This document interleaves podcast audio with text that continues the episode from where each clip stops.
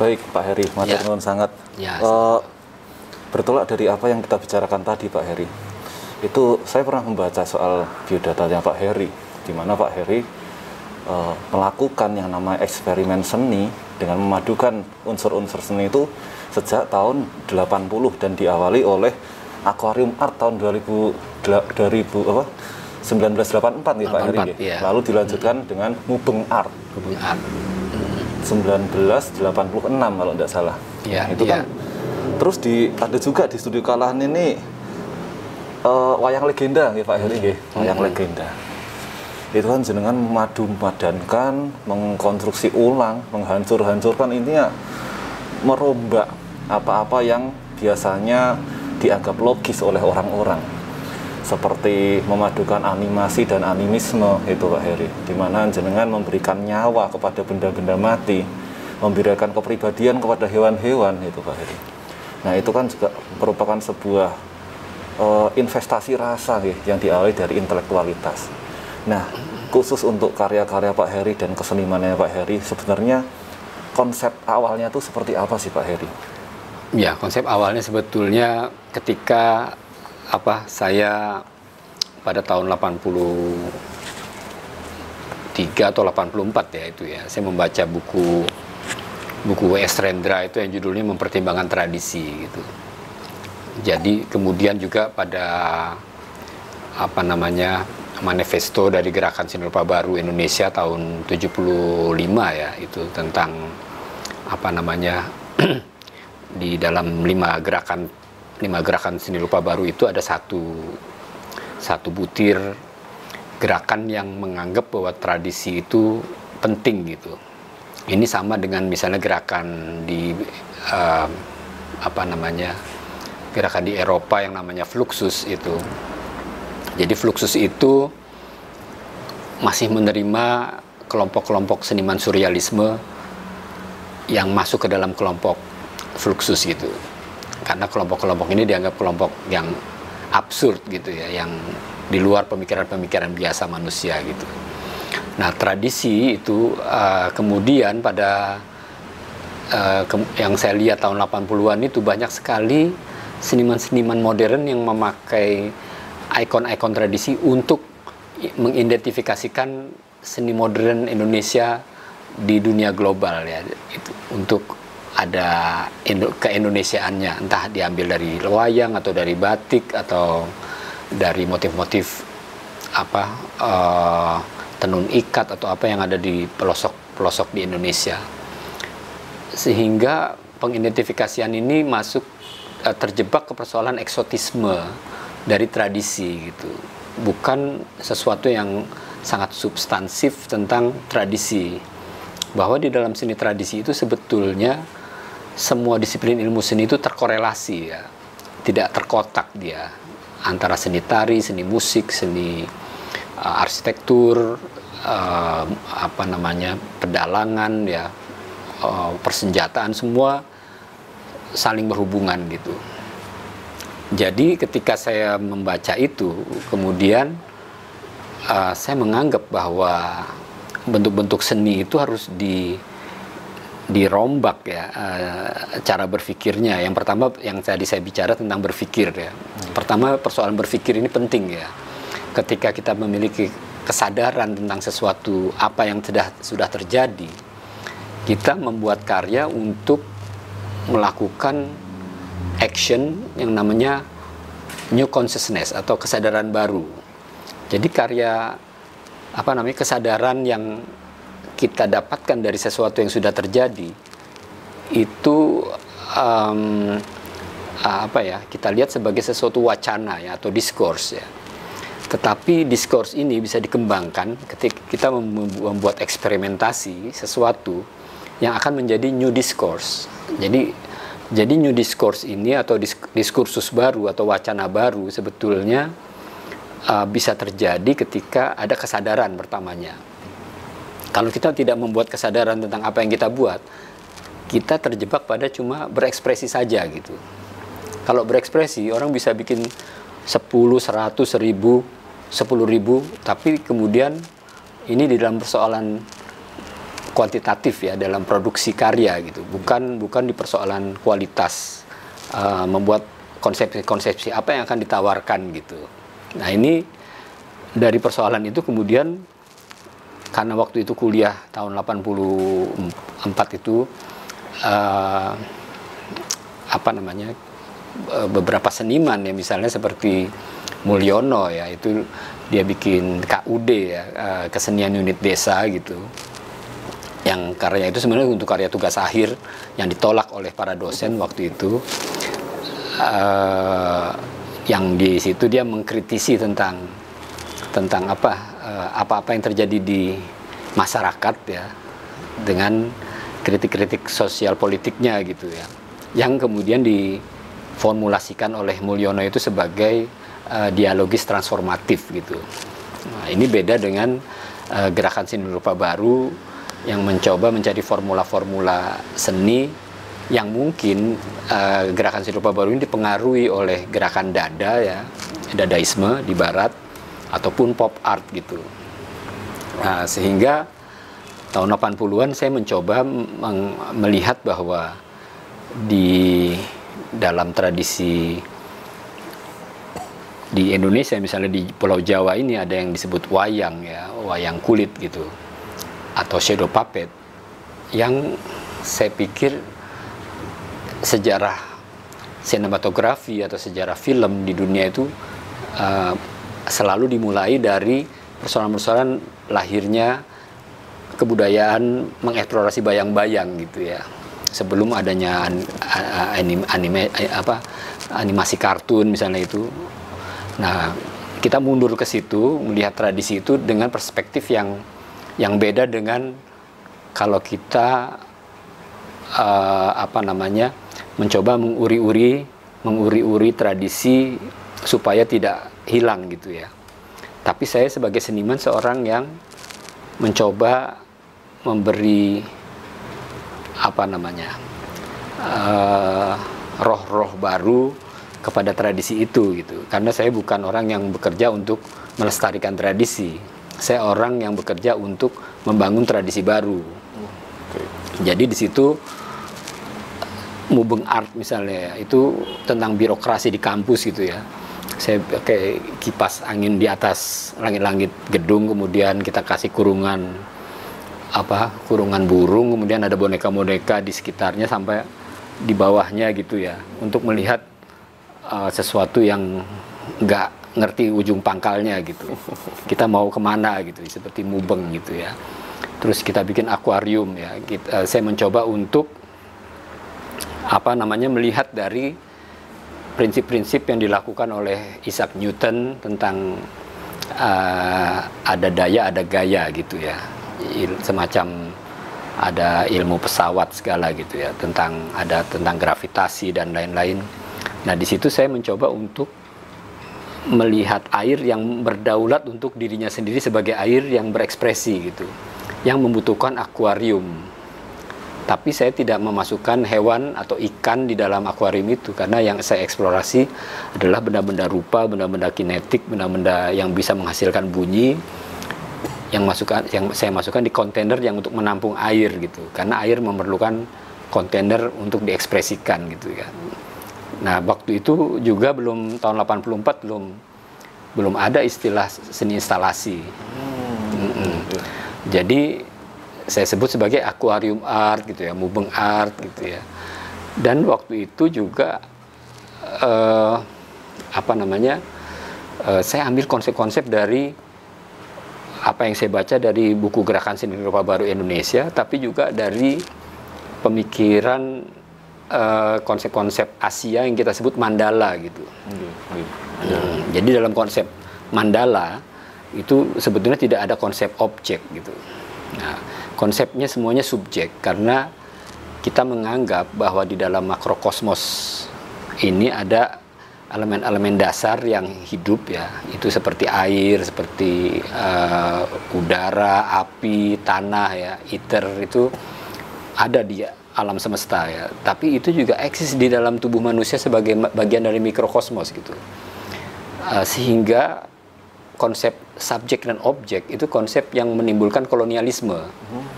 Terutama uh, dari seni seni modern Barat yang menganggap bahwa Eropa adalah sentral dari seluruh perkembangan seni dan budaya dunia gitu. Yang di luar itu dianggap etnik ya.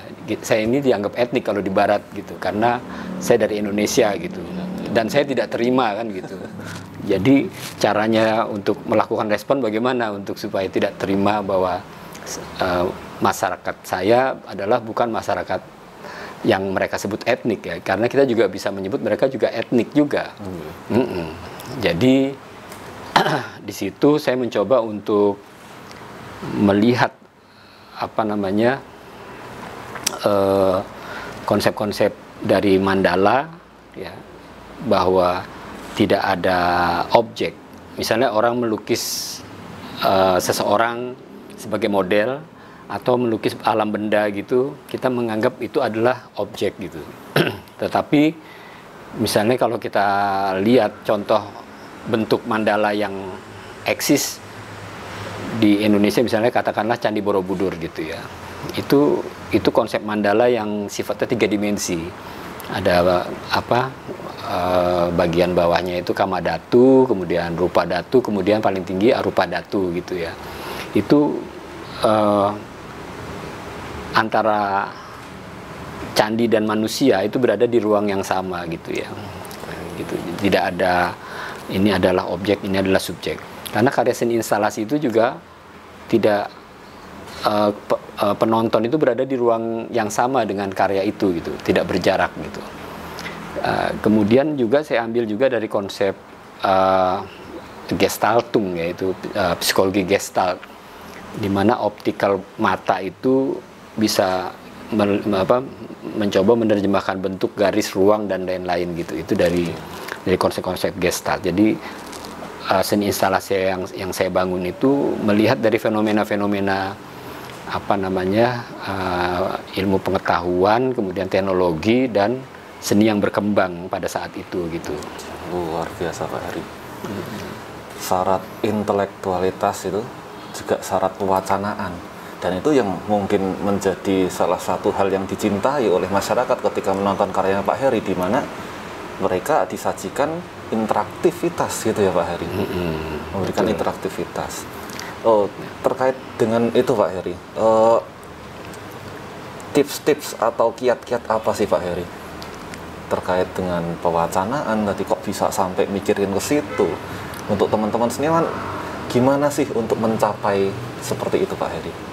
Iya, ya saya kira kita perlu up ini ya perlu ini ya apa namanya uh, up to date ya dengan hal-hal yang yang kontekstual yang terjadi saat ini gitu ya. Tapi juga tidak meninggalkan apa-apa yang uh, sebelumnya uh, misalnya para pemikir-pemikir kita gitu abad ke-19 misalnya seperti Ronggo Warsito misalnya yang menulis tentang buku serat kali tidak gitu ya buku zaman edan gitu. Yang pada abad ke-21 ini ditulis oleh Michael Foucault ya. Foucault menulis tentang civilization and madness ya. Itu abad ke-21. Bukan berarti kalau kita mundur ke awal abad ke-19 terus kita mundur bukan. Jangan-jangan sebelum Foucault ini menulis tentang zaman Edan, para pemikir kita sudah me, apa menulis tentang ya, itu gitu ya. Jadi uh, apa namanya?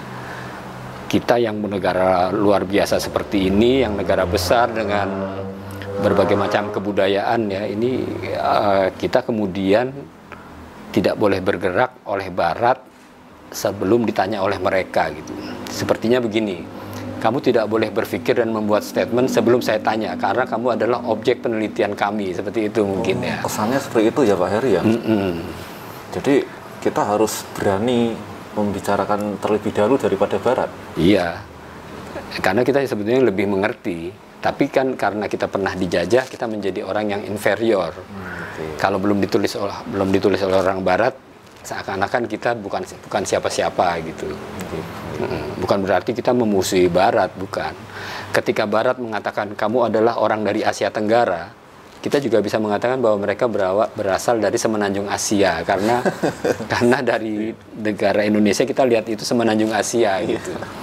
Kan kita negara sebesar ini cuma dianggap negara yang berkembang terus menerus ya Iya, itu iya. itu kita seakan-akan tidak bisa menjadi lebih, lebih maju dari mereka gitu nah mindset ini harus kita ganti untuk apa secara mental kita uh, sadar bahwa kita sebenarnya sederajat dengan seluruh masyarakat di dunia gitu. Baik mereka itu orang-orang intelek orang-orang intelek dari sana gitu ya entah itu apa uh, para pemikir dari barat gitu ya bahwa kita di Indonesia juga punya hak sebagai decision maker ya sebagai pemikir yang tidak harus sama dengan pikiran-pikiran mereka gitu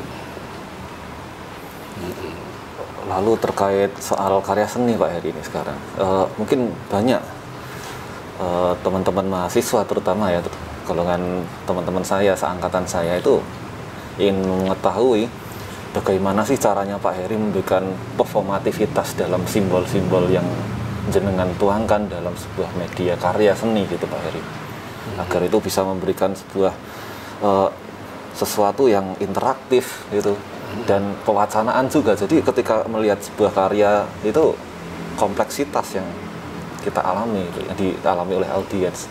Iya, ya memang ini ya.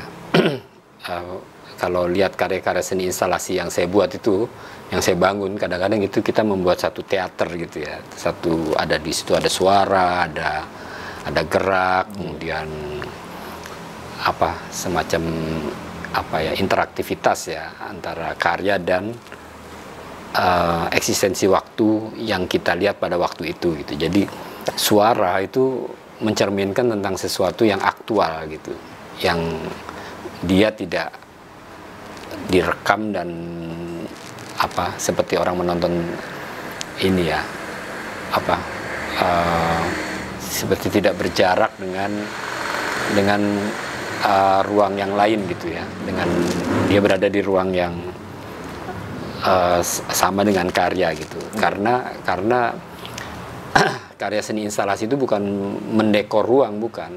Eh, karya seni instalasi itu membicarakan keruangan. Jadi keruangan rasa gitu. Rasa antara eh, penonton dan karya seni itu berada di ruang yang sama gitu ya.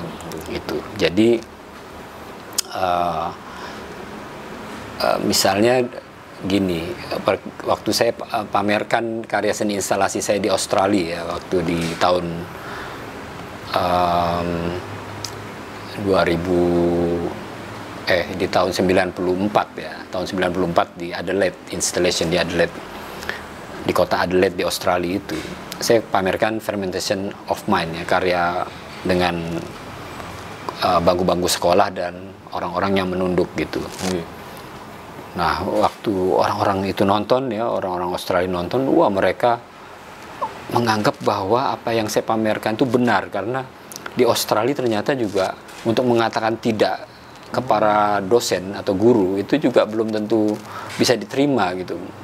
S- ternyata mereka menganggap bahwa peragian otak itu juga terjadi di mana-mana di dunia gitu.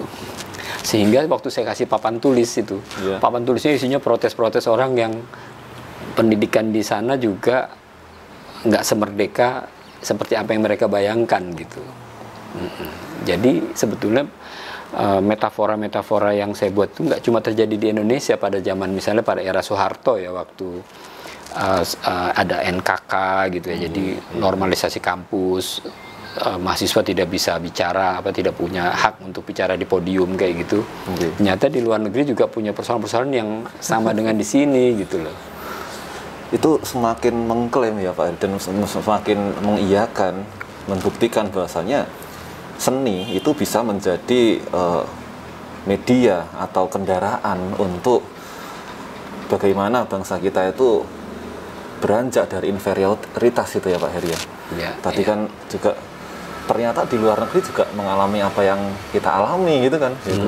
Padahal kita itu selama ini mengira bahwasanya pendidikan di luar negeri itu lebih wow gitu. Iya, padahal belum tentu. Belum tentu. tentu. Jadi banyak sekali hal-hal yang uh, sekarang ya seperti demokrasi misalnya. Iya. Mungkin di Amerika demokrasi kita mungkin lebih baik daripada demokrasi di sana. Waktu zamannya Donald Trump misalnya. Iya. Atau atau waktu apa? Uh, waktu uh, Bush ber, uh, Bush berkuasa sebagai presiden ya hmm. gitu.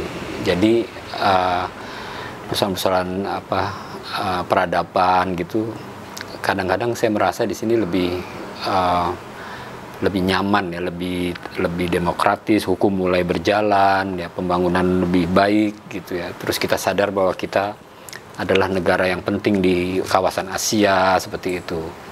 Jadi jangan-jangan kita mungkin lebih kaya dari negara-negara di Amerika atau di Eropa gitu yang kita di mindset untuk dianggap bahwa kita belum maju gitu. Hmm.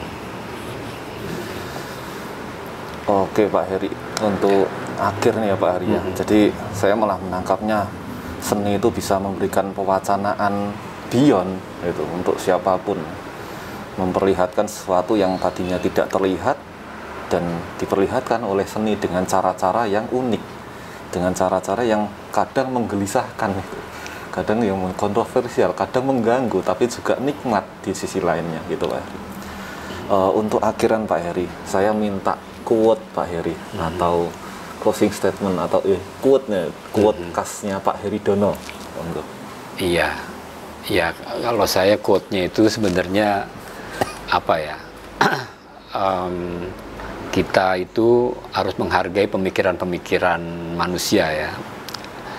Uh, dan di situ dari pemikiran-pemikiran itu kita bisa mengkristalisasikan mengejawantahkan ke dalam bentuk seni sebagai kesaksian dari zaman ya. Jadi kalau kita sebut seni adalah kesaksian zaman artinya bahwa kita uh, selalu update dengan uh, situasi apa yang terjadi di sekitar kita atau yang kita alami dalam bentuk persoalan teknologi, dalam bentuk sains dan dalam bentuk uh, perkembangan kebudayaan yang ada di sekitar kita baik itu seni tradisi yang ada, pemikiran-pemikiran para filosof yang ada di Indonesia gitu ya.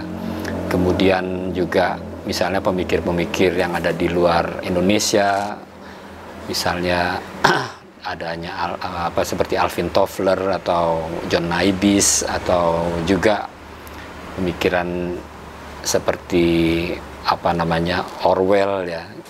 Dan juga uh, pemikir-pemikir uh, baru di postmodernisme gitu. Itu penting untuk pembacaan wacana ya. Misalnya dari Edward Said tentang orientalisme bagaimana membaca orientalisme semacam sesuatu yang sangat penting. Kemudian juga mungkin uh, bukunya ini misalnya uh, uh, uh, Gavin Menzies ya itu tentang uh, bagaimana Laksamana Cheng Ho itu menjelajahi dunia pada tahun 1421 seperti itu yang nantinya kita bisa melihat bahwa sebetulnya di tiap-tiap negara itu memiliki renaissance sendiri-sendiri. Jadi renaissance itu tidak harus terjadi di Eropa, tapi Cina memiliki renaissance-nya sendiri, Indonesia memiliki renaissance-nya sendiri. Uh, di era-era lama itu kita punya kejayaan-kejayaan yang kita harus hargai dan kita masukkan ke masa yang akan datang. Jadi seperti film Back to the Future ya itu bagaimana profesornya itu ketinggalan formula di waktu dia di SMA dan dia harus balik ke masa lalu untuk mengambil formulanya untuk masuk ke masa depan gitu. Nah ini yang paling penting saya kira. Oke. Gitu. Pak Heri, kalau pribadi ngaturakan matur non sangat Pak Heri hmm. atas waktunya sudah mau okay. berbagi bersama kita semua Pak Heri. Ya sami-sami. Semoga bermanfaat dan bisa diaplikasikan dan memunculkan seniman-seniman baru, intelektualitas-intelektualitas baru, terus cendekiawan baru dan ilmuwan baru di bidang seni dan sekitarnya. Ya, amin ya. Mudah-mudahan kita bisa menjadi negara maju yang lebih maju dari negara maju. Wah. Maturun ya, sama-sama, sama-sama, sama-sama Mas Tejo. Terima kasih. Wah.